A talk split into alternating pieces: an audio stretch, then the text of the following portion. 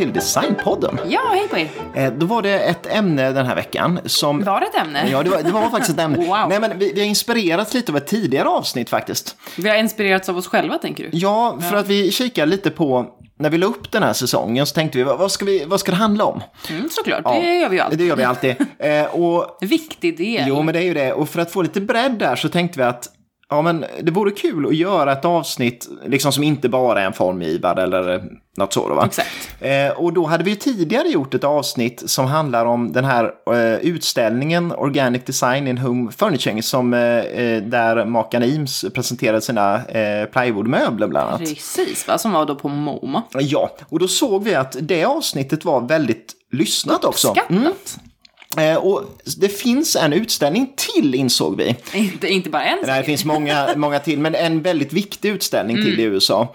Eh, som man borde göra någonting kring. Och den handlar också mycket om Eames eh, på grund av att de slog igenom med eh, vissa möbler. Ja, på den då. Men vi det. spoilar ingenting om det. Men vi kände att det vore kul att göra något kring den här andra utställningen. Och vilken är det? Low cost furniture hette den bara, va? Ja. Eh, Eller kanske low cost furniture design. Ja, men, men nu är det liksom billiga möbler till flertalet. Precis. Och det var ju det som eh, MoMA och eh, modernisterna jobbade mycket med. Precis. Och därför tänkte vi prata om den här utställningen på MoMA. Och MoMA Ja. pratar vi om, och, och det är ju liksom Museum of Modern Art i Yes. New York. Ja, ja. Det orkar man inte säga varje gång. Nej, men bara så att vi har klargjort det. Jo, det är lika bra. Ehm, så att vi kommer att prata om den utställningen. Och hoppas att ni tycker det är kul. Vi tyckte det var väldigt kul när vi grävde i det. Och vi som pratar heter ju då Sanna och Andreas och ni lyssnar på Designpodden.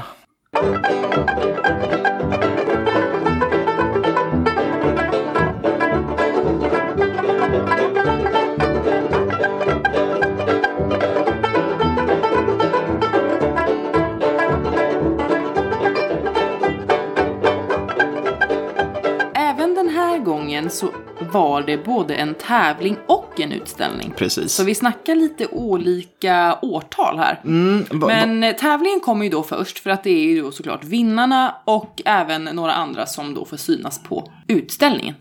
Tävlingen då, Low Cost Furniture Design, hölls 1948 då av MoMA, men vi ska klargöra det ännu en gång.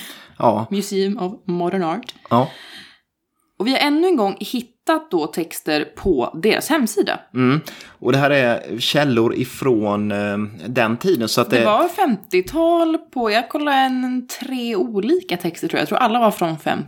Mm, jag har använt bland annat en bok som gavs ut 1950 i samband Ja. med eh, utställningen. Så Precis. att, eh, det är ju samtida, men det är ju extra roligt Jag också. tycker också det. Det är någonting med, ja men det är mycket charmigare att få läsa någonting som är samtida. Och det är lite också så här, det man då tyckte var viktigt. Och Ja. då blir det inte bara Eames heller, för att idag så när man läser om det så är det bara de man pratar Ja, om. verkligen. Men det är för det är de som är ihågkomna på det Idag, sättet med ja, sina precis. bidrag. Men här eh, Mycket boostas ju inte de i Nej, nej, nej. alls. Absolut inte. Så det, är- det är mycket mer liksom, Mm. ja, det ger lite liv. Ja, men absolut. Du, du sn- lät som jag dissar all Nej. den tiden, men eh, ja, ni förstår. ja. På en formell middag året före så presenterades då den här tävlingen av museets direktör. Mm. Och vad han hette, det vill jag inte säga. Jo, men nej, men jag kommer, jag kommer låta Google Translate göra the job. För att franska, det, det har vi lärt oss, det, det kan inte jag. Nej. Han heter, René d'Arnoncourt. Ni hör ju, René. han heter René. Ja. Jag säger, vi lämnar det på Ja. René, faktiskt. Men det här är 1947 då någon gång. Precis, och han beskriver, det här är då inte citat, men det här är min översättning. Mm. Lågkostnadsbostäder och möbler är Mm. en av de viktigaste faktorerna för landets välfärd. Mm. Det jobbas hårt på att lösa bostadsproblemen, men ingen har ännu ägnat uppmärksamhet till design och framställning av bra, billiga möbler. För att hjälpa den stora massan behövs möbler som passar små bostäder, möbler som är väl designade men med måttligt pris. Möbler som är bekväma men inte bulkiga, som kan flyttas, lagras enkelt. Med andra ord, massproducerade möbler som är anpassade för det moderna boendets behov. Yes. Och det tyckte jag var bra helt enkelt, för det sammanfattar så väl varför de gör den här tävlingen. Ja. Fram med de här billiga möblerna till alla. Precis. Det är ju bästa tanken Mm. Ja, ja ever. men absolut. Det här är då alltså bakgrunden till tävlingen. René beskrev också att eh, tekniker och material redan finns och progressiva designers finns. Men Moma ville bli den första som kombinerade de här två faktorerna Ja. så att då man kan göra verklighet av de här idéerna. Ja, så att det inte enkelt. bara finns idéer utan också det finns möbler i butikerna som, Precis. som ett resultat där. Tävlingen sökte bidrag då för moderna vardagsrum, sovrum och eh, matrum och kategorierna var eh, sittmöbler, the favorite, Ja. självklart. Även liggstolar, soffor, dagbäddar, bänkar, allting man kan sitta halvligga i. Så det är ju skönt, man Ja. begränsas inte där. Nej, Förvaringsmöbler, Mm, det är bra att ha. ja. Och eh, den tredje kategorin var en multifunktionell stoppad möbel för vardagsrum och sovrum. Och den kategorin tillkom lite senare. Mhm. Eh, Men den, den var i alla fall med officiellt. Ja, känns lite luddigare än de andra där. Men multifunktionell, visst man förstår ju att det var viktigt också. Jo, för den där lilla lägenheten som Precis. plötsligt folk bodde i. Tävlingen var öppen för designers från hela världen och Mm. eh, den fick enorm respons faktiskt. Ja, 250 bidrag kom från USA och nästan dubbelt så många eh, kom från 31 andra länder. Oj. Många från eh, Tyskland. ja jo men det är klart, det är mycket funkis. Mm, precis, men det blev då ja, men nästan 3000 olika möbler som blev inskickade. så det är otroligt många. Himla massa ritningar att kolla på där. Mm. Det här var då priserna. Mm. För bästa design av sittmöbel så var första priset 5000 dollar. Nej, rätt mycket ändå på Ja, den om tiden. jag ska vara helt ärlig, jag har eh, eh, kalkylerat om vissa andra priser, men just de här gjorde jag inte det. Men Nej, det måste vara kan- otroligt mycket. Jo, för att 5000 dollar idag, vad är det, 40 000 någonting där liksom. Alltså, vet du Och att sen- en dollar nästan var eh, 9 och 6 Ja, det är ju nästan kronor? 50 000. Och då är det ju ganska många år sedan. Så att, eh, Precis va? Så att, ja, sorry, vi gör det det, är ju några... snabbt. Ja. Ja, det. För det fanns ju en kalkylatorgrej. Mm. För att jag gjorde ju det på alla andra priser förutom de här.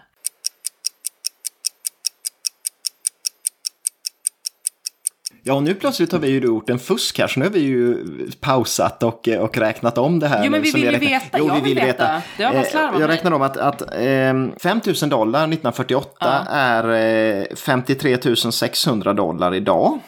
Eh, 53 000 dollar idag? Ja. Oh Jesus. Eh, Så att det innebär ju att det är ungefär en halv miljon i svenska kronor idag. Oh. Eh, vilket ju på den tiden må- måste varit enorma pengar Men gud, faktiskt. 5 000 dollar låter sådär bara som, som liksom lite. Men då Wow. var det ju givetvis väldigt mycket. Nu Wow, ska vi inte wow. vi spekulera i exakt hur mycket det är kanske i svenska kronor. Nej. Men det är ju ändå, Fast vinner man det Varför så... ska vi inte det? Varför kan man inte översätta de här dollars, eh, dollars till... Ja, men, hur vet man dollarkursen hur den har förändrats genom åren? Vad var en dollar värd 1948? Jag vet inte. Men jag har ju gjort så med mina sen. Ja, en dollar var värd 1948 så var en dollar värd historiska omräkningar dollar och 19...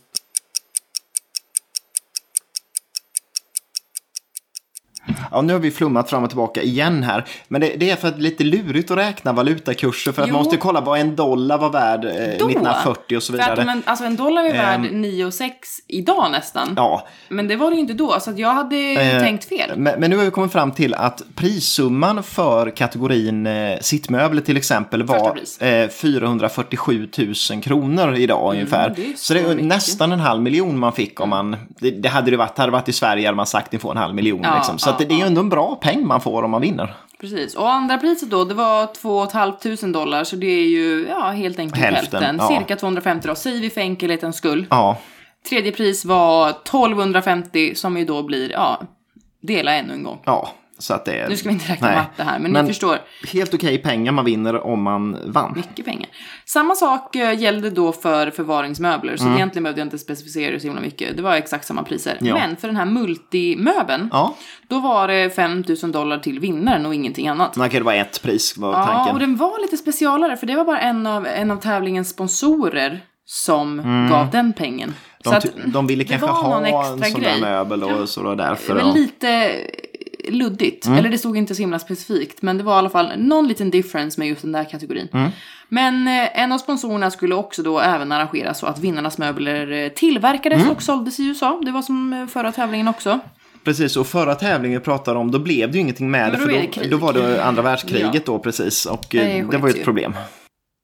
En av domarna förresten Mm. var Mies van der Rohe, tänkte jag var lite roligt att ta med. Ja, det är ju givetvis, det kan vara därför också många tyskar och så som att inblandade i eh, Bauhaus och så Mm, har exakt. med i tävlingen. Och vi kommer ju då för att inte bara betona Eames. Nej. Eller ja, du, du kommer göra det. Jag Men jag kommer- kommer prata om alla Mm. lite grann. ja. för att ge alla lite cred. Mm. Och börjar då självklart med sittmöbeln, för det är ju ändå Ja, det roligaste. Bäst. Ja, ja. Roligast, bäst, eh, ja, Mm. vad kan man säga? Vem vann? Ja, så här väl- blev det att det var två vinnare Mm. av första priset. Mm. Så då fick de dela istället. Ja, så fick de bara hälften så att det är 250 000. Det är lite rude. Men så var det. Men en av de här första pristagarna var en Don R. Norr. Mm. Man stavar K-N-O-R-R. men norr. Ja, man kan inte säga knorr. Nej. Tänk att heta knorr i efternamn. Nej, det var inget bra. Nej, det är inte jättebra. Han var från San Francisco. Mm. Nomineringen beskriver lätt, flexibel och elegant med en genial struktur. Mm. Den här stolen då, eh, det är alltid lite klurigt när man ska beskriva i bara ord. Men vi kommer lägga ut bild på den på Exakt. Instagram. Exakt. Stolen bestod av en eh, bit eh, tunn metall. Tänk som en rektangel tunn metall. Mm. Som då böjdes runt mot Ja, sig själv. Och just då det. blir det nästan en rund sitt och ryggyta fast med då ett, eh, uppenbarligen ett hål precis I där mitten, rumpan ja. blir. Mm. Du kan se det. Jag ser det och den är ju väldigt snygg i sin enkelhet, den där stolen. Ja, och det är det. Och den hade då bara fyra smala metallben som Mm. hade ett gummislut på och så var det någon speciell färg som användes som var flexibel och liksom följde med När metallen. man böjde och, och det här. Precis, Mm. den fanns i röd, svart och gul och det fanns också en enkel gummidyna man kunde lägga i för att öka komforten. Ja, för metall är kanske inte så skönt att sitta på. Tänk sitta bara på en tunn metallgrej. Tänk Ja. bara, jaha. Säger jag som sitter på en trä, trästol här på Jo, fast bordet. metall känns kallt också. Mm, jo, det är sant. kallt. Det är sant. Men, men, men. Sen tänker inte jag gå in på så mycket mer på det, för det, det var den helt enkelt. Mm, en väldigt snygg stol som vann faktiskt. Du tycker det? Men jag, jag, tycker gillar den. Inte riktigt Ja, men jag, jag gillar den här jättemycket. Så att kolla på Instagram så Ja men det måste ni Ja. ändå, för annars blir det här ju inte så kul att lyssna Nej. på kanske. Den andra första pristagaren Mm. var en Georg Leovald och han var faktiskt från Berlin. Mm. Hans stol skulle ha samma stycke plast till sits och rygg. Mm. Den här plasten var då gjuten Ja. tillsammans med metallräfflor Mm. som gjorde den då lite hållbarare. Och även benen skulle göras på det här sättet. Jaha. Och då blev det inte så många delar. Nej, nej. Vilket gjorde att man kunde byta ut olika delar om de gick sönder och si och så. Och Mm. så kunde man ju också frakta dem väldigt billigt. Just det, just det.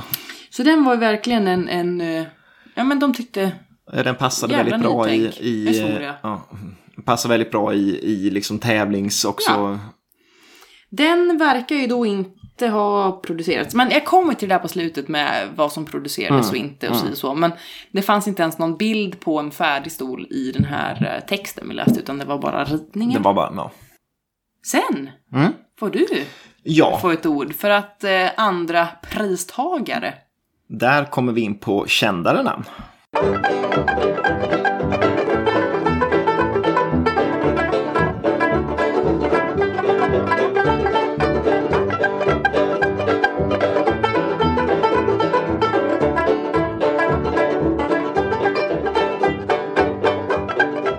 Ja, men nu sa vi att vi ska inte bara prata IMS här, men jag kommer faktiskt bara prata IMS. Du är ju lite enformig. Jo, och det är också så här att, nej, men, men, men det handlar om att, att det var en rätt bra uppdelning. För jag tyckte att vi ska fokusera lite kring de stolar som ritades till eh, tävlingen. Eh, och Vi gillar James. Ja. Det ska vi erkänna ja, vi gillar, vi, vi har, du sitter på en IMS-stol nu Ja, det är jäkla gött. Ja. Nej men så här, till eh, den här tävlingen eh, så andra priset då tilldelades ju eh, bland annat makarna Eames. Eh, De och- betonar väl inte Ray där heller? Eller? Men Jo, alltså grejen är, det är det, det är det här man måste komma ihåg. Mm. Att de som vinner är ju inte Charles och Ray Eames, utan Nej. det är en eh, grupp av formgivare Yes. som består av Charles Eames, Ray Eames, Don Albinson, som vi har pratat om i avsnittet om det manliga geniet, och, och, eller geniet som inte fanns kallar vi Yes. det, men eh, han har gjort mycket grejer för, eh, för Eames. En eh, Francis Bishop, eh, James Connor, Robert Jacobson, Charles Kraftka, eh, Oj. Frederick Usher och Oj. dessutom eh, University of California som de Just- gick ja, vid då. Så att det är väldigt många inblandade och det är ännu mer folk inblandade än de här liksom, som har gjort bidraget. Eh, och det jag tänkte nämna först är ju egentligen Ray Eames då. För att eh, traditionellt, alltså nu tror jag de flesta vet att Charles och Ray Eames var gifta, men, Mm. men förr trodde många att eh, de, de var bröder eller någonting. För man tror Ja, men att, man tror att Ray man tror att när man inte Ray vet. Eames- ja, och då fast finns det det låter så. Det finns ju förklaring för hon föddes ju som eh, Bernice Alexandra Kaiser, eh, Kaiser. från början. Men kallades Ray Ray av sin pappa. Så att det är därför hon sen tog bara liksom jag alltså, heter Ray. Alltså ännu coolare med Ray Ray. Ja, Ray Ray. Ray, Ray. Men, men eh, Ray Eames är ju då givetvis, ja, förra gången vi pratade om tävlingar då hette hon ju Ray Kaiser och det var innan de gifte sig. Just det. Ehm, men i alla fall, 1948 98, då hade ju Charles och Ray främst, då, de hade ju kikat också på det här med aluminium som material, precis som de som vann. Va? Och eh, de tyckte att aluminium... Den ena? Ja, den ena och som vann. Och de tyckte att aluminium var ett optimalt material eh, som inte användes i möbelindustrin för att det hade ett dåligt rykte. Just det här som vi raljerade om lite, att, att det, det, det obekvämt och det är inget, inget bra. Så de ville göra möbler i aluminium. Eh, Och det är inte det man tänker när man tänker på möblerna som gjordes till den här tävlingen. För att det som det mynnar ut i är ju fiberglasstolen. Men det återkommer jag till strax. Men i alla fall, de ville ju då ta fram en eh, aluminiumstol som eh, ändå passade marknaden. Och det de gör är ju inte en stol egentligen, utan det är en serie stolar eh, som de lämnar in ritningar på. Och de modeller som de lämnade in, de kallades lite olika här, så jag tänkte rä- räkna upp dem bara, och så förstår man vilka det är. Jag vill bara säga, det glömde jag säga, men de bidrag som kom från USA var tvungna att lämna in en liten en skalmodell också Exakt. som var en fyra. Ja, och det var Don Albinson som gjorde deras eh, glömde jag säga. skalamodeller. Fatta vad mysigt. Ja, så de finns ju kvar i MoMAs samlingar tror jag Ja. faktiskt, skalamodellerna på de här och även eh, prototyperna som Precis, togs för fram. det behövde inte utländska för det kostar så mycket att skicka och Mm, så. Men eh, amerikanerna var tvungna att göra det. Och de modeller som eh, Eames designteam då va, eh, lämnade in, det var, eh, de kallar dem upright chair och armchair. Och eh, upright chair är helt enkelt en matstol, en, en man sitter i bara. Och en armchair är mer en med karma då. Och då fanns det upright chair and armchair eh, with crossrod base. Och det var en stol med eh, fyra runda raka metallben bara. Sen fanns det en som hette Upright or Armchair on eh, Pedestal Base. Och då är det en central fot med fyra stag ner till. Eh, så fanns det en då Upright Chair on Crossrod, base, eh, eh, crossrod Wood Base. Jaha. Eh, och då var det helt enkelt fyra raka träben på den istället. Mhm. Och jag vet inte varför de gjorde det med träben, för det kom ju inte sen i produktion, men de tyckte väl att det skulle finnas i den här serien. ja. Och visa lite på bredden på att man kan använda de här Jo, skalen till bra. väldigt många olika Ja. baser. Um, sen gjordes en då eh, som hette Upright Chair on Formed Metal Base. Och då var Alltså det... det är inte jättecharmiga namn. Nej, eh, det är väldigt funkis. Eh, Och den här istället med metall, de här metallbenen, då var det fyra raka metallben. Men de hade istället bockat plattstål så att det var lite så här eh, L-profil på dem rakt ner istället. Så de är inte de här runda benen. Mhm. Nej. Men det var också för att visa bredden. Men det som man ska nämna som de gör också, det är ju då armchair on rocker base. Ja, gungstol. Det är en gungstol. Och det här är ju då egentligen liksom vaggan till det Aha, som... vaggan. Men, men, men det som kommer att bli eh, Eames fiberglasstolar med tiden. Men det här är ju fortfarande då alltså i aluminium. Mm. Skalen är aluminium. Eh, och de här påminner mycket om de stolar som man ser fortfarande idag då på auktion och i nyproduktion. Men de skiljer sig ganska kraftigt åt på vissa punkter så jag tänkte nämna var Ja, de skiljer sig åt. gärna. Eh, och då var det ju att eh, skalen var ju inte i fiberglas utan i aluminium och då blev de tunnare så att kanterna blev ju väldigt, väldigt tunna där de gick ut. Även om formen var ungefär densamma. När det gäller gungstolen så såg medarna lite annorlunda ut. Eh, De var mycket liksom, bredare fram till än vad de var bak till. Eh, Så de fick en mer svung i själva meden. Eh, Idag... Tänker när man gungar. Ja, ja men typ. och benen på gungstolen såg väldigt annorlunda ut. För idag så eh, ser ju gungstolen ut lite som den här Eiffelbenställningen egentligen med flera tunna Ja. trådar. På den tiden, det bidraget som lämnades in, då bestod benställningen egentligen av två ganska kraftiga eh, stålrör som gick upp i eh, som på varje sida gick det upp i ena meden, så gick upp till sitsen och sen gick det ner till andra meden och så var den likadan på andra sidan. Så det är en betydligt enklare konstruktion, även om det är samma grundprincip då va. Och sen eh, den här Eh, pedestalfoten eller pelarfoten, den kommer ju att komma tillbaka många gånger i Ims eh, repertoar senare. Men den som lämnades in till eh, tävlingen på MoMA, den skilde sig också ganska kraftigt åt och det- var väl också ett sätt att eh, göra en funkis och en enkel att skicka variant. Så då bestod den av en metallregel som gick ner som hade en X-profil. Om man tittar uppifrån så ser den ut som ett kryss. Och sen längst ner så hade den två V-formade reglar som liksom trycktes in i det här krysset.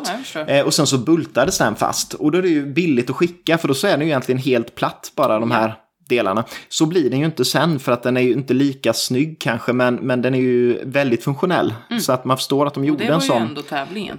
Absolut. Visst.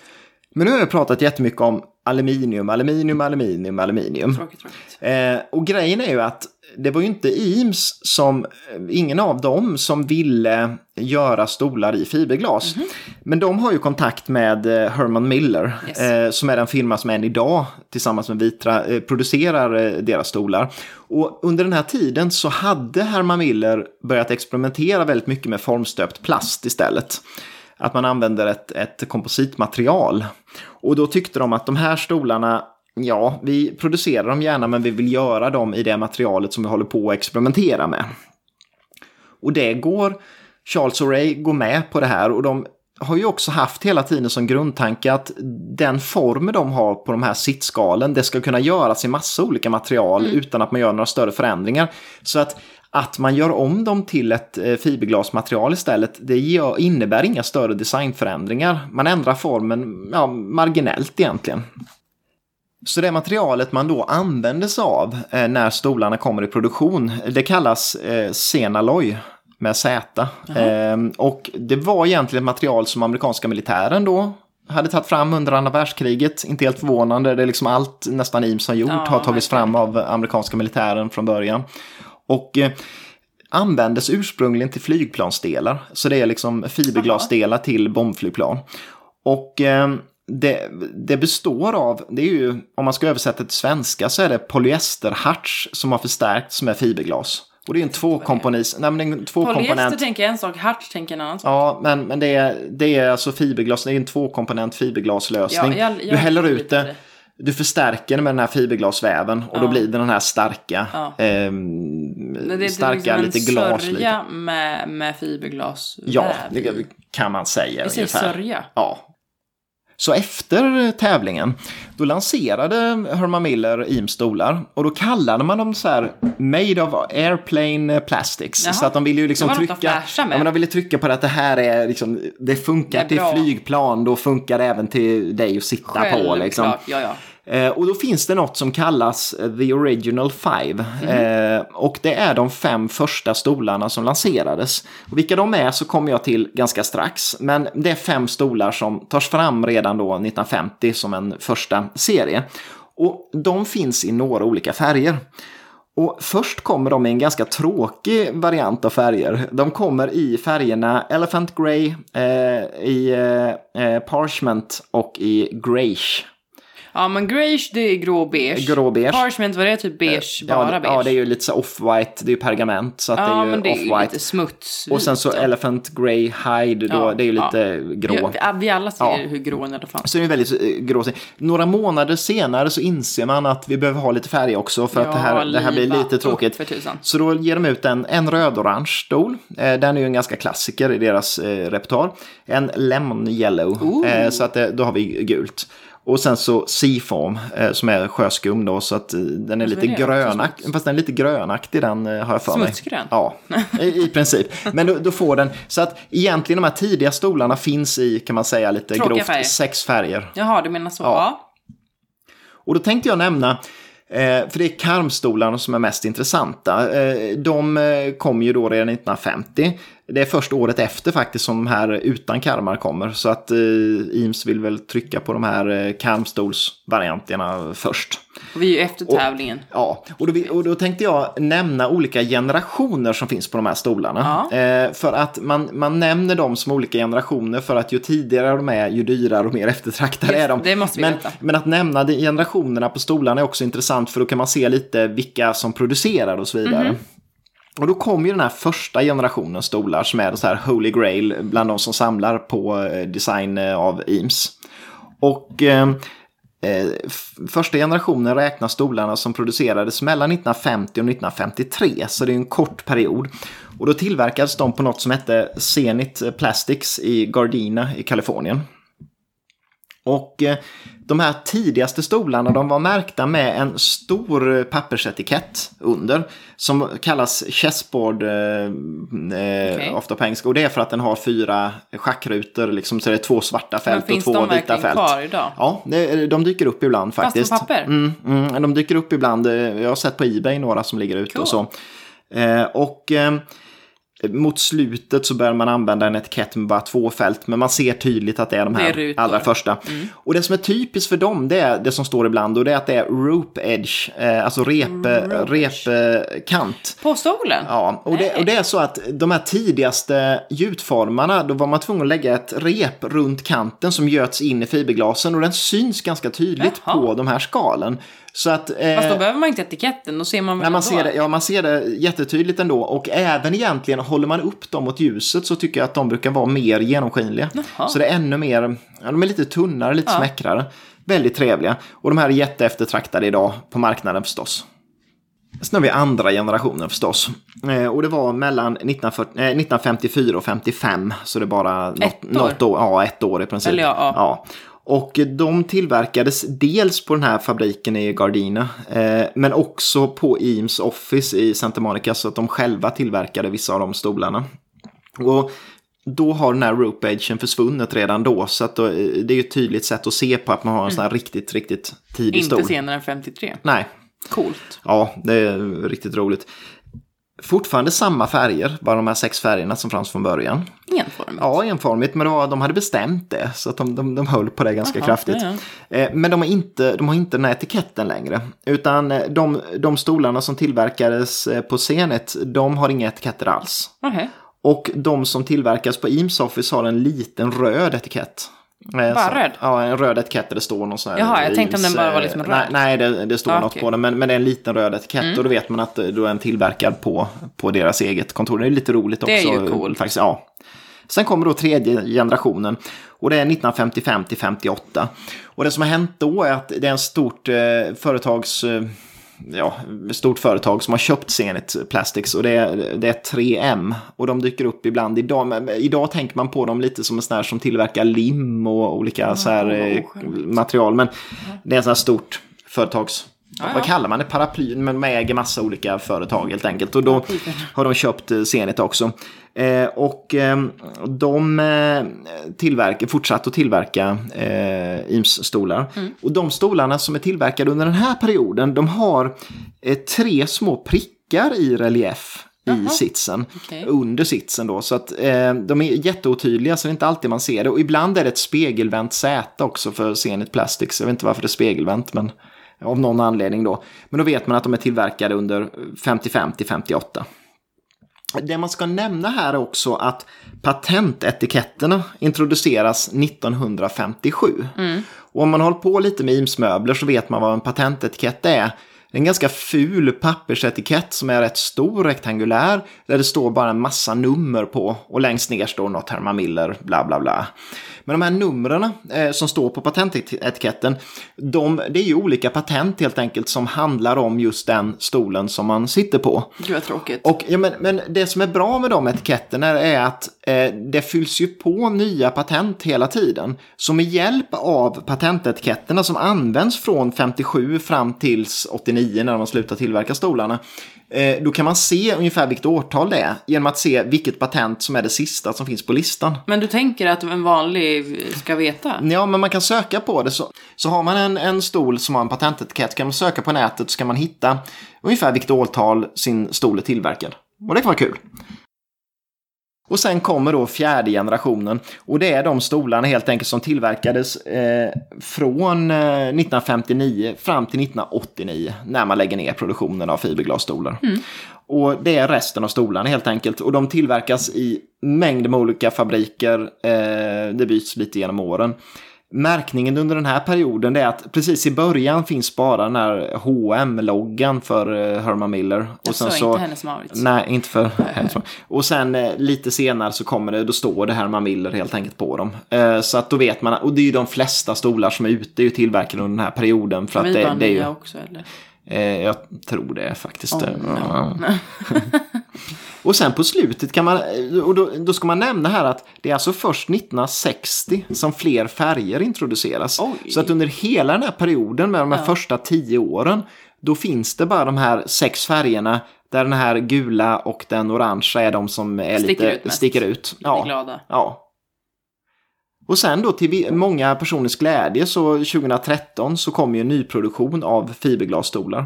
Och det är först då som man har lyckats lösa problemet med eh, liksom miljöpåverkan och även Ja. påverkan för personalen att tillverka Ja, två komponent för att det var ju väldigt farligt. Det här är ju så här, andas in det så Ja. dör du nästan. Va? Så att, eh, ja. Men nu finns de ju igen i, i nyproduktion faktiskt, både i plast och, och i, eh, eh, och i eh, fiberglas. Och nu då tänkte jag gå in på modellvarianter, olika ben och så på imstolar. Alltså jag vill inte verka neggo, men åh vad oexalterande. men, men det är det är så svårt att hänga med. Ja, men, men jag tror jag kan förklara det ganska Ja, bra hoppas- tror Du jag. får försöka, för att För annars att, blir vi eh, som jag sa, så, så kom det ju de här Original Five. Mm. De ursprungliga fem varianterna eh, eh, som kom redan från bara 1950. F- Benställningar. För att de stolar, alla stolarna som släpptes 1950, det var karmstolsvarianten Ja. som är den här som går upp på sidorna. Yes, yes, yes. Ja, men som har Ja, armstöd ja. helt enkelt. De andra har inte det. Nej. Och den första som jag tänkte nämna det är en då som heter DAX. Och jag vet inte riktigt hur, men- men eh, jag kommer säga det på svenska för att då är det lättare att eh, liksom förstå Bra, vad de heter. bra, bra. Men DAX. Och det, det står då alltså för, och det är det här som gör att man ska förstå hela hur IMS har eh, gett modellnamn. jo, men det är det det man förstår. För Ja. DAX står för Dining Height Armchair X-Base. Så att den första bokstaven i det här DAX, det är vad är det för höjd på Ja, stolen? vad är det tanken att man ska göra med? dining height, Ja. det är alltså en vanlig Ja, ja, matstol. Eh, A står för armchair. Ja, det är alltså det är, den karm. Ja, yes. Och X är för att den basen, kall- eller den benställningen kallas X-base. Men- Och orsaken är att den här som heter DAX, den har en benställning som har fyra runda, eh, raka metallben rakt ner.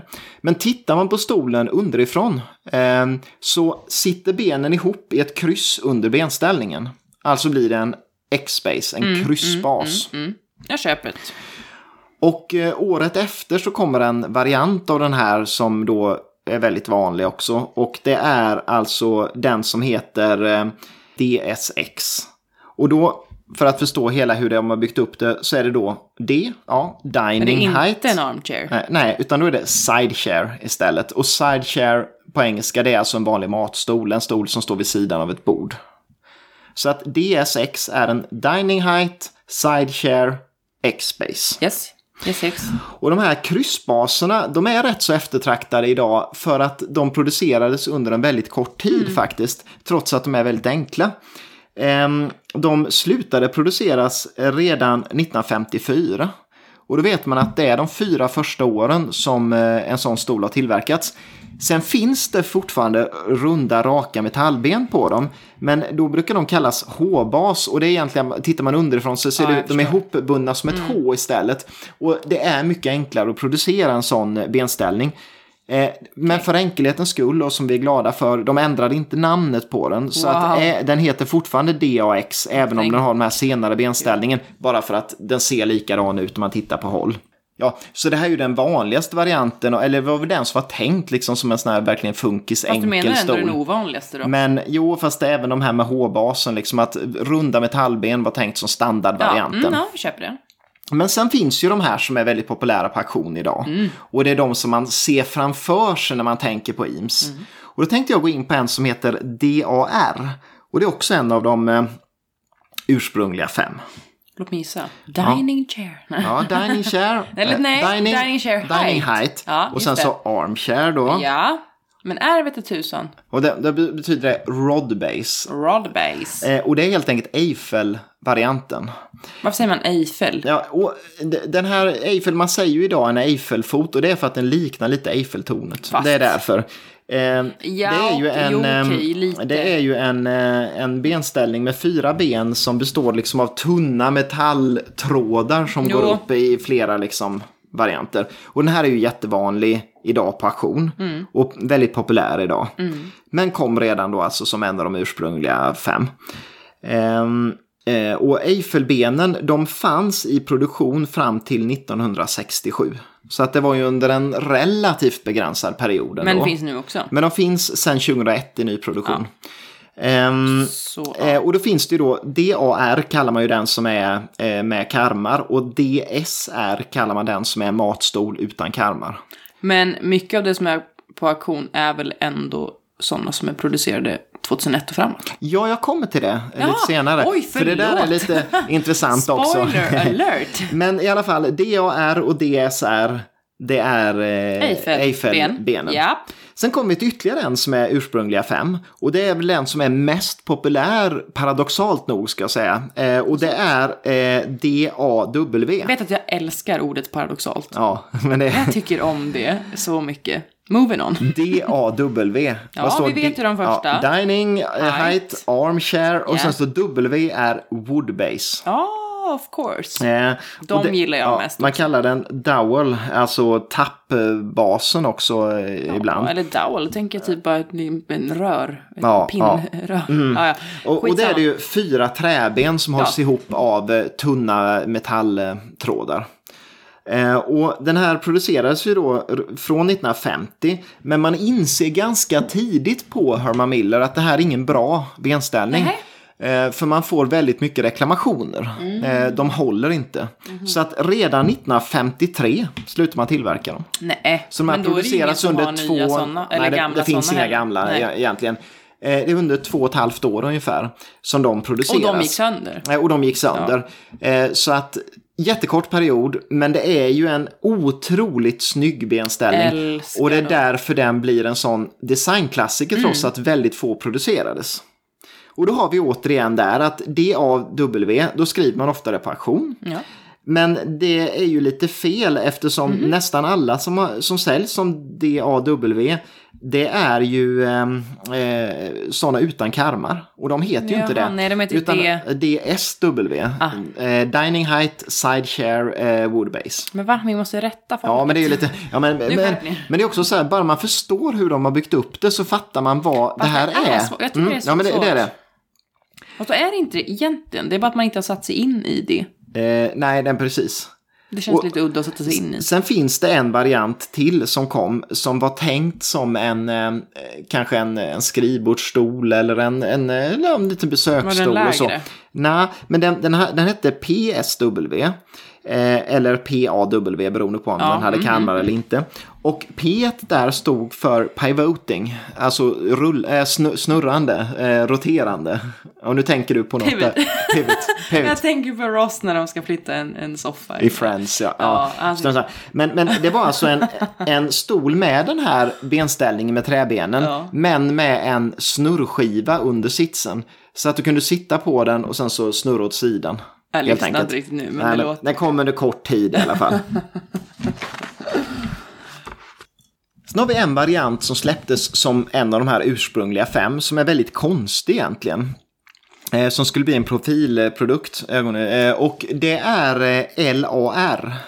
Eller low. Low. Exakt, den står för low, low height Armchair. armchair. Vänta, Ja. vad var r Nej, det vet jag inte. Eh, Low height armchair rod Ah, base. det visste jag ju. Och grejen är så här att den, den släpptes ju då 1950 och är tänkt som en lite så här lounge-variant. Ja, den är av, väldigt eh, low. stol. Och den har en, en trådbur nästan som den, Ja, den vilar på. Och den kallas ofta för Cat's Cradle. Oh, that's weird. och det där kommer ifrån, och det var också skumt, för jag, det där Cat's Cradle, var kommer det ifrån? Och då, då kommer det ifrån den här leken, alltså jag slog på det. Ja! Den här leken som man hade, jag hade inget namn på den så jag försökte hitta, men det är så här när man har en tråd mellan eh, fingrarna. Fingrarna. mellan båda händerna så här. Och sen så gör man olika mönster Man av liksom den här väver tråden. olika med fingrarna. Ja. Det är säkert jättemånga av er som har gjort det. Till och med jag har gjort det Ja, fast jag är ganska det var så här att man skulle plocka av varandra också. Först olika. tänkte Ja. jag att det hette fingervirke, men jag kom på att det är någonting helt Ja, det är annat. något annat. Men då finns det i alla fall ett mönster man kan göra. Som heter Cat's Som heter. Cat's Cradle. Och därifrån kommer namnet på den här Ja, benställningen. ja, ja. Men det här är en jätteskum nätbur i alla fall som den här eh, har då va. Mm. Och den är jättelåg. Eh, Jag har suttit i en sån en gång och jag tyckte den var värdelös att sitta kom i. inte men, upp, eller? Nej, det är svårt att komma upp. Och den glider ju undan för den väger ju ingenting. Så när du reser dig så glider den bakåt. Nej, men det blir jättesvårt. det var i alla fall tänkt som en profilprodukt, lite sån, sån cool grej då. Och det blev den också. Det blev uppmärksammad i pressen tydligen, men den sålde inget bra.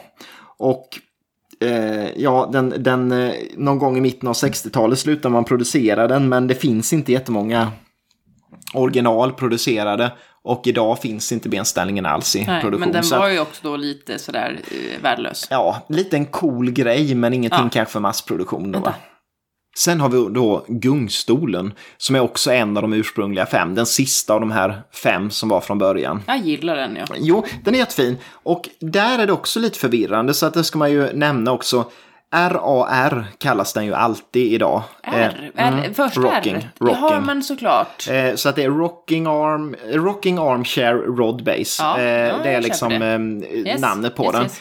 Men eh, m- idag säljs ju en del också utan karmar. Det vill säga bara en, en matstolsskal då va? Med, R, S, R. Eh, Nej. eh, R, jo, RSR. Så att den här stolen Jag har lärt som... mig. Ja, för stolen som då, gungstolen utan karmar heter RSR. Woo! Rocking Sidechair Rodbase. Och det görs ju extremt mycket fel idag.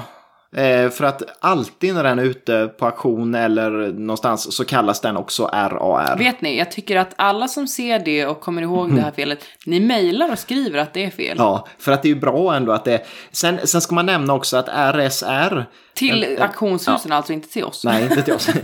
Sen ska man nämna att RSR, alltså den här gungstolen utan eh, karmar, den eh, fanns inte riktigt i produktion egentligen. Det var mer en prototyp och den var inte tänkt att finnas ens. Så att inga egentligen som finns ute som har den här eh, vanliga sittskalet. För en, det är inga riktiga egentligen, utan man har bytt liksom och flyttat runt skalen. Men det var en variant som fanns ändå. ja, ja, ja, liksom. Eh, Men det man kan nämna då är RAR, den här med gungstolen med karmar. Den var tänkt som en amningsstol från början. Eh, Så att Det är den, det man tänker med Mm. gungstol överlag. så att den gavs eh, varje gång någon kvinna som födde barn som jobbade på Herman Miller så fick man en sån stol. Nej. Och den togs ur produktion 1968. Ehm, eh, men eh, även efter det så gavs den tydligen som, eh, som gåva till mödrar på Herman Miller. Så att, jag vet inte om man hade ett lager med gamla benställningar eller om man producerade. Men fram till 68 så producerades i alla fall gungstolen. Och sen 2001, återigen då som de andra, då finns den i ny produktion. Sen ska jag nämna en variant till som är ganska vanlig, som inte är en av de ursprungliga fem. Eh, det är den fulaste stolen som eh, Eames har gjort. Eh, det är också den stolen som är vanligast. Absolut vanligast. Och det är eh, DSS. DSS. DSS. Dining Height Ja. eh, Side Chair. Eh, ja. Stacking base. Jaha, stack stapla. Ja. Okej, okej. Och det är, den lanserades fem år senare, så det är först 1955. Eh, och den var ju tänkt som en eh, till aulio, aul, Aulor. Det? Aulor. Det var svårt att säga flera au, ja. En fall- aula, fler aulor. Det måste det Ja, väl ja, vara? måste vara. Jag blir Ja, osäker fall nu. till offentlig miljö. Och den har en, en eh, om man kan säga att den är upp och nedvänt V i profil om man tittar på benen. Ja, Eh, och sen så har den oftast krokar. Man skulle haka i varandra. Ja, så att man kan göra raka. Ja. Sen finns den utan sådana där krokar och, som heter någon till Alltså eh, ändå lägger- väldigt osexigt. Ja, den är väldigt tråkig. Eh, idag när de dyker upp så skruvar man ofta bort de benen och skruvar på andra ben Ja. för att få upp priserna. Men det är de som är mest producerade och mest sålda. Men det förstår man ju också för att de är tänkta miljö. till offentlig miljö och de är jättesmarta att ha i en stor aula Jo, där du ska liksom självklart. eh, sitta bara. Men den är värd att nämna ändå. Men det är inte en av de ursprungliga fem då. Och då nämner vi alltid då lite priser och lite sånt där. Japp. Och jag tänkte nämna nypriser på de här eh, fiberglasmöblerna. Ja, men kör. Eh, och eh, DSV, alltså den Wood-varianten, som ju är väldigt populär. Eh, den finns ju då både i plastskal, som är ett mer lite så mjukt plastmaterial, och den finns Fast i fiberglas. mjukt. Jo, men det känns nästan lite som en förpackning. Ja, men det är ju så här, Det som en vanlig plaststol. men det är inte, nej, men det är inte fiberglas. Nej, liksom. men det är inte mjukt Nej. heller. Nu överdriver du. Men i plast i alla fall så kostar den, jo men i plast kostar den mellan 4 230 och 4 550. Eh, och i fiberglas kostar den mellan 7 490 och 7 890 beroende på Ja. lite utförande. Eh, ganska stor skillnad i material. Eh, och är ganska mycket pengar. för en Mm, stol. mycket pengar för en stol. Mycket. Sen tänkte jag nämna också då eh, den här eh, DSR. Som är Eiffel-varianten då. Rod. Eh, Rod Base. Eh, Jag kan nu! Ja, den, jo men precis, man kan faktiskt lära sig den där. Eh, och den eh, i plast kostar 2890, så den är lite det är billigare. rimligt, rimligt. Eh, I fiberglas 6150. Orimligt. Och det, men det är också för att då skalet kostar så stor del av, jag av hela stolen. Det. Men det är alltså, tänk om man vill köpa mer än fyra. Ja, Eller det- fyra. ja, det, det- liksom- blir liksom... något- Ja. Skumt. Och sen då tänkte jag nämna bara för en kul grej, det är att DSS, den här då alltså staplingsbara, eh, sammankopplingsbara stolen, finns också i nyproduktion faktiskt.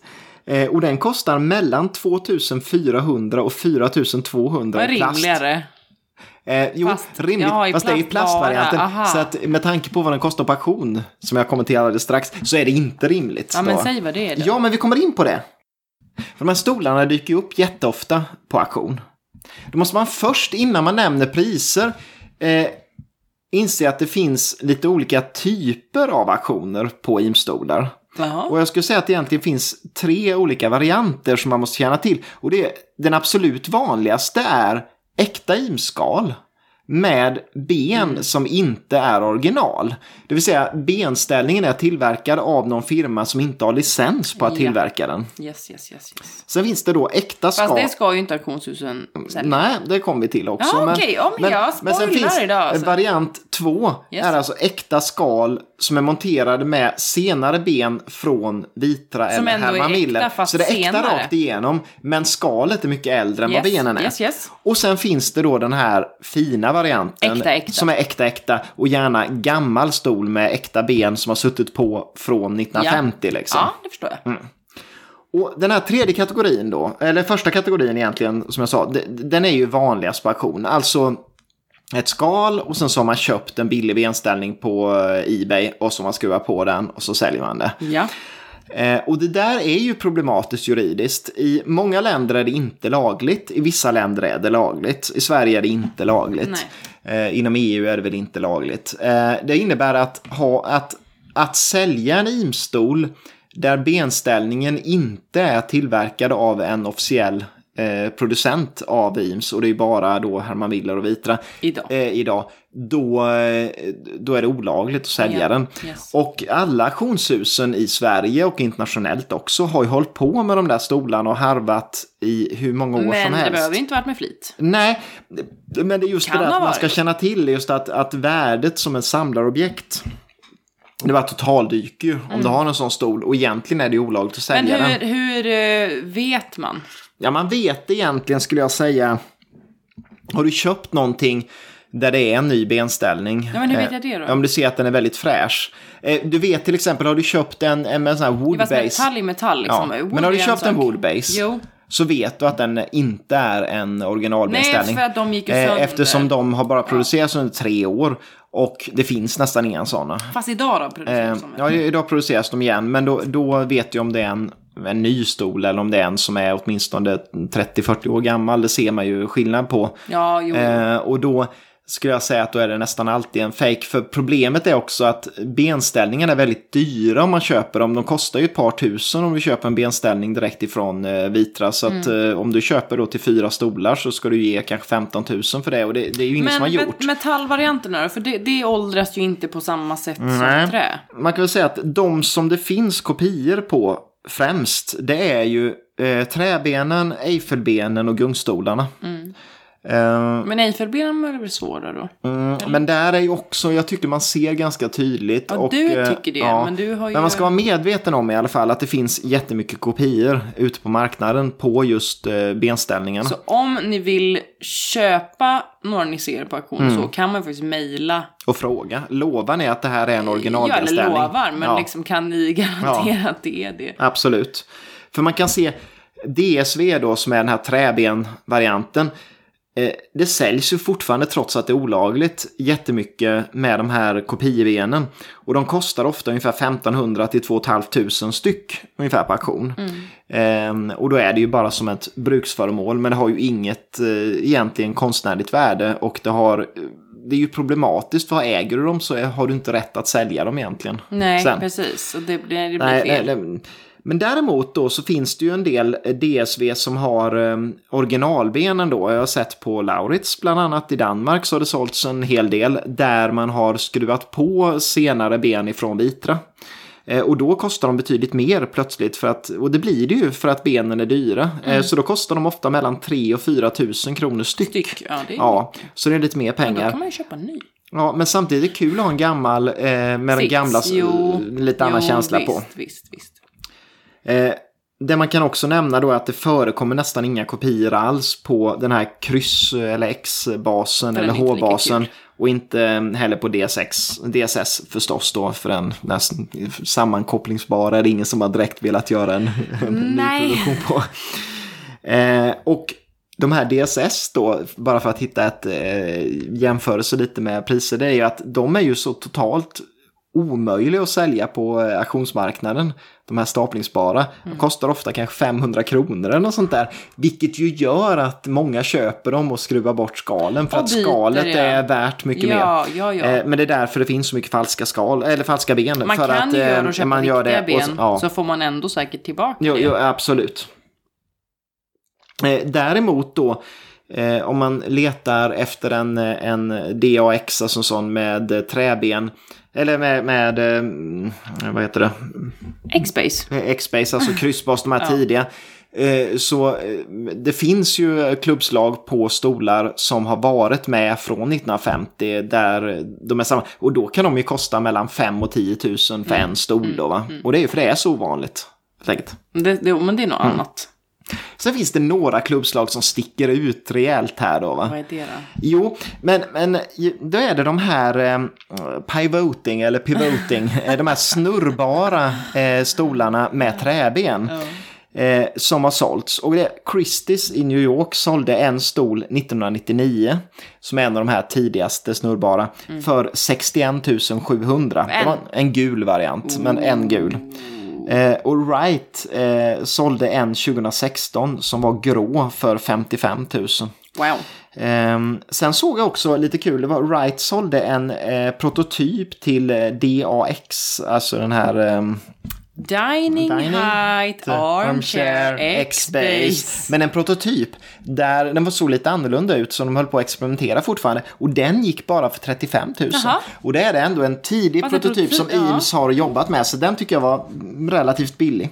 Men det dyraste jag hittade överhuvudtaget när det gäller fiberglasstolarna. Det är Sotheby's i Hongkong av alla ställen. Men Sålde- har vi haft med Sotheby's i Hong Nej, nej, jag tror inte det. Oh. De sålde en svart PAV, alltså en pivoting eh, sån här eh, med träben, armchair wood Wood base base. för 405 000 kronor. Så det är det dyraste jag hittade på... um, En svart? Eh, en svart. Men det var ju inte gammal färg. Nej, så att det är det jag funderar på att de har helt enkelt eh, skruvat på en annan bas på den. Eller en, ja, För den, de pengarna. ja. Men det är 400 000. Så att det är en bra slant.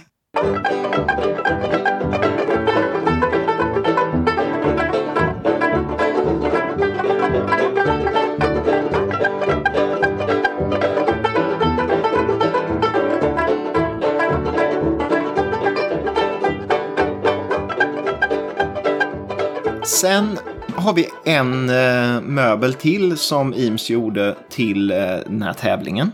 Jag vet. Eh, och det är La Den blev en honorable mention vill jag säga. Exakt, den vann inget pris, men Nej. den är värd att nämna här. Och det är ju då La Chaise. Eh, och ehm, Heter den det officiellt? ja, eh, det heter den och det finns en nyproduktion idag. Och grejen är att eh, den här är ju en, en spektakulär möbel som visades som prototyp 1950. Men den kom inte att produceras förrän 1990. Så att det är ju ganska långt senare då. va? Det är 40 år efter. Men La Chaise är ju en, en, det är en ch- chaiselong i fiberglas. Och den har en asymmetrisk form i sittskalet, om man säger. Eh, där det finns liksom ett genombrutet hål i ryggen. Och sen så är det fem eh, eh, förkromade metallben som är bara raka stolpar, om man säger, som går ner i en kryssfot i Ja, ek. den är så cool. Men jag tänker att, är den skön? Har du suttit i någon? Jag har aldrig suttit i nej, någon. för det, nej. det kan väl inte vara skönt? Kan nej, det? nej, jag undrar. Men grej- man ligga exakt likadant. Ja, men grejen är att eh, den här La Chaise då, den, eh, det betyder ju stolen på franska. Eh, och, men, men det är inte därifrån egentligen namnet kommer då. Utan namnet kommer ifrån eh, eh, skulptören då, den fransk-amerikanske skulptören Gaston Lachaise. Gaston. Gaston Lachaise. Och han har gjort en skulptur som heter eh, Floating Figure. Och det är en, eh, en ganska Ja, den ser kraftig exakt kvinna. ut så. Ja, det är det. Det är en kraftig kvinna i brons. Kraftig, hon är ju voluptuous Ja, hon har stora fabulous. bröst och Ja. stor s- big Du, butt. det är inne nu, så att, Hon, eh, som ligger ner i luften och det känns som hon flyter i luften. Wow. Som liksom hänger i luften på några Ja. metallpelare. Och ser man dem bredvid varandra så är det Så exakt, lika, ja. exakt samma grundform. Så att Lachaise, det är alltså Gaston La- Lachaise eh, Floating Figure som den är inspirerad av. Cool.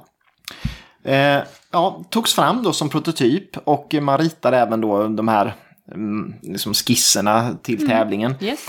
Eh, juryn sa ögonfallande, vacker och innovativ Verkligen. men omöjlig att producera. Jaha. Eh, och det var den också. Då, ja. Mm. För problemet var att den blev för dyr. Idag produceras den då, eh, men den blir ju för dyr. Alltså Vitra tar 72 800 för den. Eh, och då är det tänkt som ett low cost furniture. Så att man, det visar ju lite på att det, det går. Det går alltså inte. den är för dyr. Ja. Men den är extremt häftig. Har sålts på auktion ett antal gånger, men bara naturligtvis nya. För det finns ju Mm, nej, alltså nej, den nej. enda gamla som finns, eh, vad jag vet, finns i MoMas För det samlingar är en då. Ja. Ja. Men annars de här eh, begagnade nya, om man säger, eh, från Vitra, de kostar allt mellan 20 och 50 000. Men då vill man upp. ha en borde man ändå köpa på auktion som vanligt. Ja, absolut. För det är betydligt billigare. betydligt billigare. Men eh, tyvärr så finns det ju inga gamla. Och den hade varit kul att ha som en gammal stol. Kan vara kul att ha en ny också. Ja, men absolut. Den, den är ju häftig. Den är, det som är roligt med den är ju att de visar ju på något sätt att det med en möbel går att göra en skulptur. Och det är väl därför de gör alltså en, en, en möbelpastisch av Mm. den här eh, skulpturen då. Förresten, innan vi går vidare, nu var det ju Ja. jättelänge sedan jag pratade om den här första pristagaren, metallstolen, men Men som också gjorde aluminiumskal liksom. Ja, jag glömde ju säga vad den kostade och det är ju en sån viktig del i den här low cost furniture design. Att det går att göra en billig variant. Ja, för att det var ju det det gick ut på. Så den här stolen då skulle kosta 27,50 dollar. Mm. Och först hade jag översatt det till, till dagens Dollarkurs ja. dollarkurs och värde i svenska kronor som då blev 2700 och tänkte jag nej, det är, inte så billigt. Nej. Men ja, sen fick vi då den här snilleblixten att just Kolla det, vad en dollar var värd dollarkursen var annan. 1950. Ja. Så det var då bara 99 kronor. Och då snackar vi Så en annat. hunka En kostar. hunka. Ja. Det är ju sjukt billigt för en stol. ja. Så så var det. Sen ska man ju nämna att de här priserna som de räknade ut stämde ju inte. För det var ju önsketänkanden. men jo, men men, men det var ju fortfarande så att det är billiga möbler. Det är billiga möbler. Mm.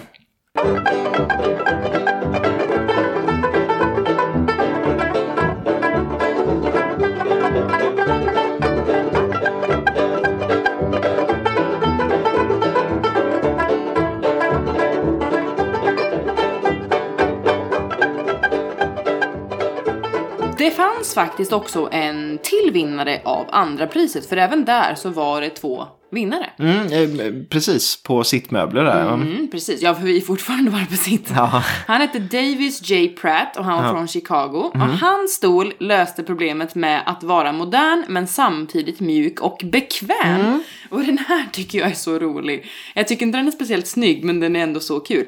Den stolen består av två uppblåsbara ringar. En eh, teknik då som utvecklas av bildäckstillverkarna. Förstås då, men Det ja. var vad det var. Två liksom inner... eh, Det är som två däck. Ja. Och som då hade tyg. över, Täcktes av tyg. Ja, sen är det skön att sitta på. Eh, liksom. ja, men de måste ju hålla Ja. ihop på något sätt. De hade fyra metallben som hade runda gummislut. Mm. Och den, de här benen kunde vika som de blev nästan helt platta. Mm. Det är också jättebra för eh, shipping, vad heter det, frakt. Mm. Och de här ringarna kunde ju såklart tömmas på luft.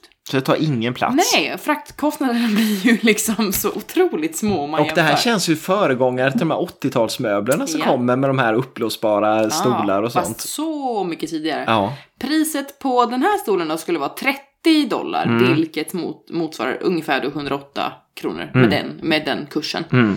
Billigt. Billigt. Fast den, den ser ju också sjuk ut. Hur mycket ska vi lägga ut bild på på Ja, Instagram? vi kommer lägga upp jättemycket bilder Ja, på fast det Instagram. måste vi. vi måste, Det gör vi ja, alltid. För att, ja, man vill veta. Ja. För den ser verkligen galen ut. Tredje priset då på sittmöbelkategorin togs av en Alexej Brodovich. Mm. Han var från Ryssland ursprungligen men eh, hade bott i New York länge. Och han gjorde faktiskt en gungstol. Mm. Och det, jag tycker gungstolar underskattas för Absolut. att det är ändå en häftig möbel, en gungstol. Absolut. Liksom man kan gunga i en stol. Ja. What? Nej, jag. Jo, men det, det, idag vill ingen ha jag- gungstolar jag förutom Eames inte. då möjligtvis. Men, och då vill man visa att man Tycker kan det är ganska design. fabulous. man ja. Jo, nu ska vi inte gå in på det. Nej. Men den här gungstolen då, den var gjord av plywood och en plasttäckt elastiskt eh, rep. Jaha, som bildar upp, alltså som man sitter på då eller? Nej, don't spoil. Nej. Nej, skojar. Nej, men repet var då helt enkelt både sits och rygg. Jaha, Och så att, plywooden var ben och eh, själva rygg, eh, det som går upp vid ja, ryggen. just det, så att det är det här elastiska som man liksom sitter på. Ja, och lutar sig Ja. Men den här eh, sits och ryggen då som bara Mm. var rep kunde göras ännu bekvämare genom att man vävde igen öppningarna och la på en eh, mjukare dyna. Mm, så att man, ja det funkar men väl vissa bättre vill i inte sitta stugorna. på liksom. rep. Nej, inte jag. Elastisk, jag kan tänka att man, man ser väl ut som en kassler. Det är nackdelen, i alla fall om man, inte har, om man inte har kläder på sig. När man... Ja fast även med kläder blir lite kassler-feeling. Ja. Men men, Ja. det är ju inte fel Nej. med kassler heller. Men och den har jag tyvärr heller inget eh, pris på. Nej. Nu är det dags för förvaringsmöblerna. Ja, för det där är ju lite skumt förvaringsmöbler. Ja. Det är ju tråkigt Eller skumt men väldigt... och skumt, men första pristagaren var Robin Day och en Clive Latimer som Mm. kom från London. Robin Day har jag hört innan. Ja, man känner till. jag han, kommer han, har gjort, jo, han har gjort plastmöbler. Okej. Eh, han- Robin Day har gjort för Overman i Tranås bland annat. eh, Plastmöbler. Men, men eh, det är annars för, eh, för en firma i England som Ja. han är mest känd för sina Precis, jag, kom, jag plaststolar. kände igen Ja, men jag kunde ja. inte placera. Men de utformade då skåp och byråer som hade höga stålrörsben. Och det var då för att man inte skulle behöva böja sig så mycket liksom djupt ner till golvet och det var väldigt lätt att städa under. Ja, funkis. Mycket funkis. Möblerna var bredare i botten och avsmalnade uppåt, vilket ju då gav intrycket att de tog mindre plats Ja. själva rum. Absolut, absolut. Utöver det här stålröret så gjordes de i grå valnöt och beige afara eller korinaträ stod det. Jag vet inte vad det är faktiskt. Nej, och jag ska erkänna att det vet inte jag heller. Men man sa korina på, US, eh, på, på amerikanska men afara då i England. Mm, jag vet inte alls vad det är. Inte men heller, det... men de var grå och beige i alla fall. Och det här är det deppigaste av allt. Mm. Men det gjordes väldigt stora ändringar. På den här. Jaha, jaha. Den vann, Ja. den, alltså som de skickade in den, den här coola varianten. ja. Ja, det kommer också bild på, för de är verkligen Snygga coola. liksom. Ja. Men för att passa den amerikanska marknaden Mm. och på grund av begränsningar i tillverkning så gjordes väldigt mycket ändringar. De fick typ helt vanliga träben. Ja, Det så, är det, så här, vad hände ens? ja, så att det vart inte alls samma grej. Ah, de fick fula handtag. Mm. Alltså jag bara känner att, nej men de, de, såg inte ut som, Som de. Vinnarbidraget nej, längre. Nej, nej. jag vet inte vad som hände riktigt, men jag blir väldigt deppig av att Ja. tänka på det. Så de kom att produceras då, men Ja. med väldigt ful Ja. variant. Ja. Eh, Ja, det är så deppigt, det är så deppigt. Kostnaden för tre sammanhängande delar, för det fanns då lite Det var olika moduler då varianter. på något ja, sätt, ja. men det var det. Var 245 dollar. Mm. Det är det dyraste, men det är också för att det är väldigt mycket möbel. Men Ja. det motsvarade ändå ungefär 900 spänn. Som tusenlapp max liksom. Så Ja. här, som, ja, det är Men- billigt. Ja. Innan jag hade tänkt på valutakursen då, så blev det 24 000. Jag tänkte, det är ju inte billigt. Nej, men, Alls. men, men dollarn var ju inte så Nej dyr men det hade då. inte slagit mig Nej, då. nej, nej. Mm, Eh, Men så var det, så det är ju uppenbarligen otroligt billigt. Nu ska jag inte tjabbla så mycket mer för att det, sjuk, det, det sjuka är att andra och tredje priset delades inte ut. Nej, okej. Det fanns inte tillräckligt Till- bra, bra bidrag som Nej. förtjänade att vinna. Och vad gäller den här tredje kategorin med den här multifunktionella möbeln, den Mm. delades inte heller ut. Men det blev inget. Nej, det stod att det fanns inget bidrag som var bättre än redan existerande möbler. Oh, vad deppigt. Men jag förstår också, du och jag gillar också sittmöbler. Mm. Vad hade du och jag gjort om det var en tävling i en sittmöbel? Så att, nej, det, det fanns faktiskt ingen. Och det blev så här antiklimax när jag läste. Jag bara. För de lovar så mycket. Och så, Och så blev det inte lite så mycket. jaha. Eh, nej, utan det var bland sittmöblerna. Och sen så kan man väl dra slutsatsen att i praktiken så är det ju Eames där igen ändå som trots att de inte vinner Mm. så är det de möbler de producerar till tävlingen som är de som idag blir ihågkomna. ihåg. Ja, ja, ja, för ja. att det är de som på något sätt ändå de är ju bäst så tillvida att de kan byggas ut. Och jag tror det är det som är det vinnande konceptet. Liksom att det Jo, gick att göra så många olika varianter och de funkar så bra till offentlig miljö. Det är ju en tråkig anledning. Men det är väl det det Nu ska 90% inte du handlar ta om. min tid här. Nej. De här vinnarbidragen då i alla fall, som ju inte blev jättemånga, men Mm. Nej. Mm. några stycken, de kom att ställas ut på MoMA mellan 17 maj och eh, 16 juli 1950. Mm. Och att det tog då en tid att eh, göra den här utställningen Mm. berodde ju då på att möblerna skulle tillverkas. Just det. För tanken var att de skulle börja säljas Mm. samma dag som utställningen började. Ja. Och det gjorde ju då vissa Mm. möbler. Ehm, Det var hela 245 butiker och 22 tillverkare som var med och jobbade på de här pristagande möblerna. Mm, mm. Men de enda som fanns att köpa då var då första pristagaren, den med metall, Mm. och eh, andra pristagaren Eames. Ja. Och då de här förvaringsmöblerna med de här ändringarna som, Som gjorde- gjorde att de, ja, jag tycker inte Nej. att de var roliga längre helt Eh, enkelt. nej, nej. Och tanken var ju självklart att de skulle göra resterande möbler också. Men det blev det inte. verkar ju inte. Jag ska erkänna att Nej. jag hade svårt att eh, komma fram till verkligen så här. Mm. Men jag kan inte säga att för att jag, de dyker ju aldrig upp på auktion och i och med att de aldrig gör det så, så har de väl aldrig producerats. Om man säger så här, jag googlade och litade på vad jag fann och inte fann. För den här andra första pristagaren, Georg Leowald som var tysk, Mm. den verkar inte ha producerats alls. Nej, Jag hittar ingenting om den. nej. Andra pristagaren Davis J. Pratts stol av de här uh, uppblåsbara ringarna Mm. hittar en enda. Och det var väl helt enkelt en som var med på utställningen. Ja, det var den då. För den är på Mommas hemsida ja, också. Ja. Dock så verkar det finnas en viss tillverkning, tillverkning av den här tredje pristagaren, Vilken var- Alexej Brodovic Ja. stol av plywood och rep. Just Men det. där finns ändå, om man googlar, några bilder Mm. på existerande stolar. Och det var den här gungstolen Det bland var annat. och det- gungstolen med rep, men han gjorde också andra varianter. Ja. Det är den här rep och Ja. Mm. plywood-principen egentligen. Och auktionspriser vill jag också ta upp, för det saknar jag lite grann. Ja, it's my favorite part. Mm, Ja. Den här första prisstolen Mm. i metall. Fyra stycken såldes på Wright 2013 Mm. för 11 250 dollar. Mm. Vilket ju då är drygt 100 000.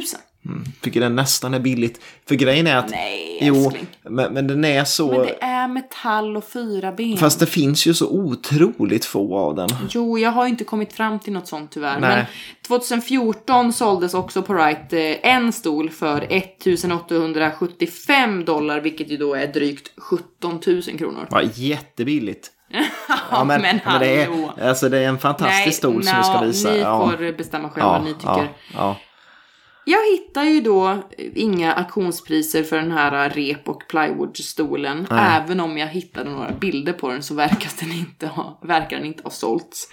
Eh, och eh, förvaringsmöblerna hittar jag inte heller någonting på. Nej, tyvärr. Så det blir lite av ett antiklimax till slut av den här podden. Men I did my best. Jag skulle säga att det, det är väl just det där att tanken var att ta fram en massproducerad möbel för den, liksom det amerikanska folkhemmet. Ja, det ja, amerikanska, Och det lyckas man ju med Jo. i och med Ames. Ehm, och därför så har man ju mission eh, accomplished även att ehm, mycket av det andra inte blir någonting av. Det är Så lite så här, ja, det lovar så mycket så jag vill att det ska hållas och så Ja, gör inte det. Bara, nej, ja, nej. okej. Men men. Men kul ändå tycker jag. Jo, men det är klart att det är kul ändå. Och jag hoppas att ni har tyckt det var kul att lyssna på det här avsnittet. Trots att vi har flummat på lite. Men, men det är ett, ett avsnitt där eh, man får lite bakgrund. Jag- tycker det är lite kittlande det här att Eames fiberglasstolar har fortfarande inte gjorts. När, när någon kommer till den här utställningen så har man inte sett det här innan. Det är någonting helt nytt. Mm. Och, oj, en gungstol med en sån här funkissits. Oj, det har jag aldrig sett innan. Det tycker jag är det fascinerande Jo, med det det, hela. sant. Jag håller med. Och eh, som sagt var det vi har nämnt många gånger, men vi vill nämna igen, det är att ni måste följa oss på Instagram. Nu ställer du krav också. Ja, där heter vi. Designpodden. Ja, eh, så följ oss där för Ja. att där lägger vi ut bilder på eh, bland annat då där vi Det är för pratar er om. skull. Ja. Helhetens Så skull. följ oss där. Ja, ja, ja. Eh, går att följa oss på eh, Facebook också. Gör inte det. Eh, och eh, annars så tackar vi så jättemycket för att ni har lyssnat. Nej, Mail. mail också ja. Eh, man kan mejla oss. Mm, Det bör man göra. Ja, både, nej men bara positivt. Men man får, nej men mejla oss på, Designpodden gmail.com. det går jättebra att mejla oss om vad man vill. Eh, Vad ni vill. Vad ni vill. För att vi blir jätteglada för alla mejl som Ja. plingar till där i inkorgen. Ja, och annars så tackar vi då Det så vi. jättemycket för att ni har lyssnat. mycket. Så hörs vi igen nästa vecka. Hoppas vi. Ja, Tack och hej. tackar!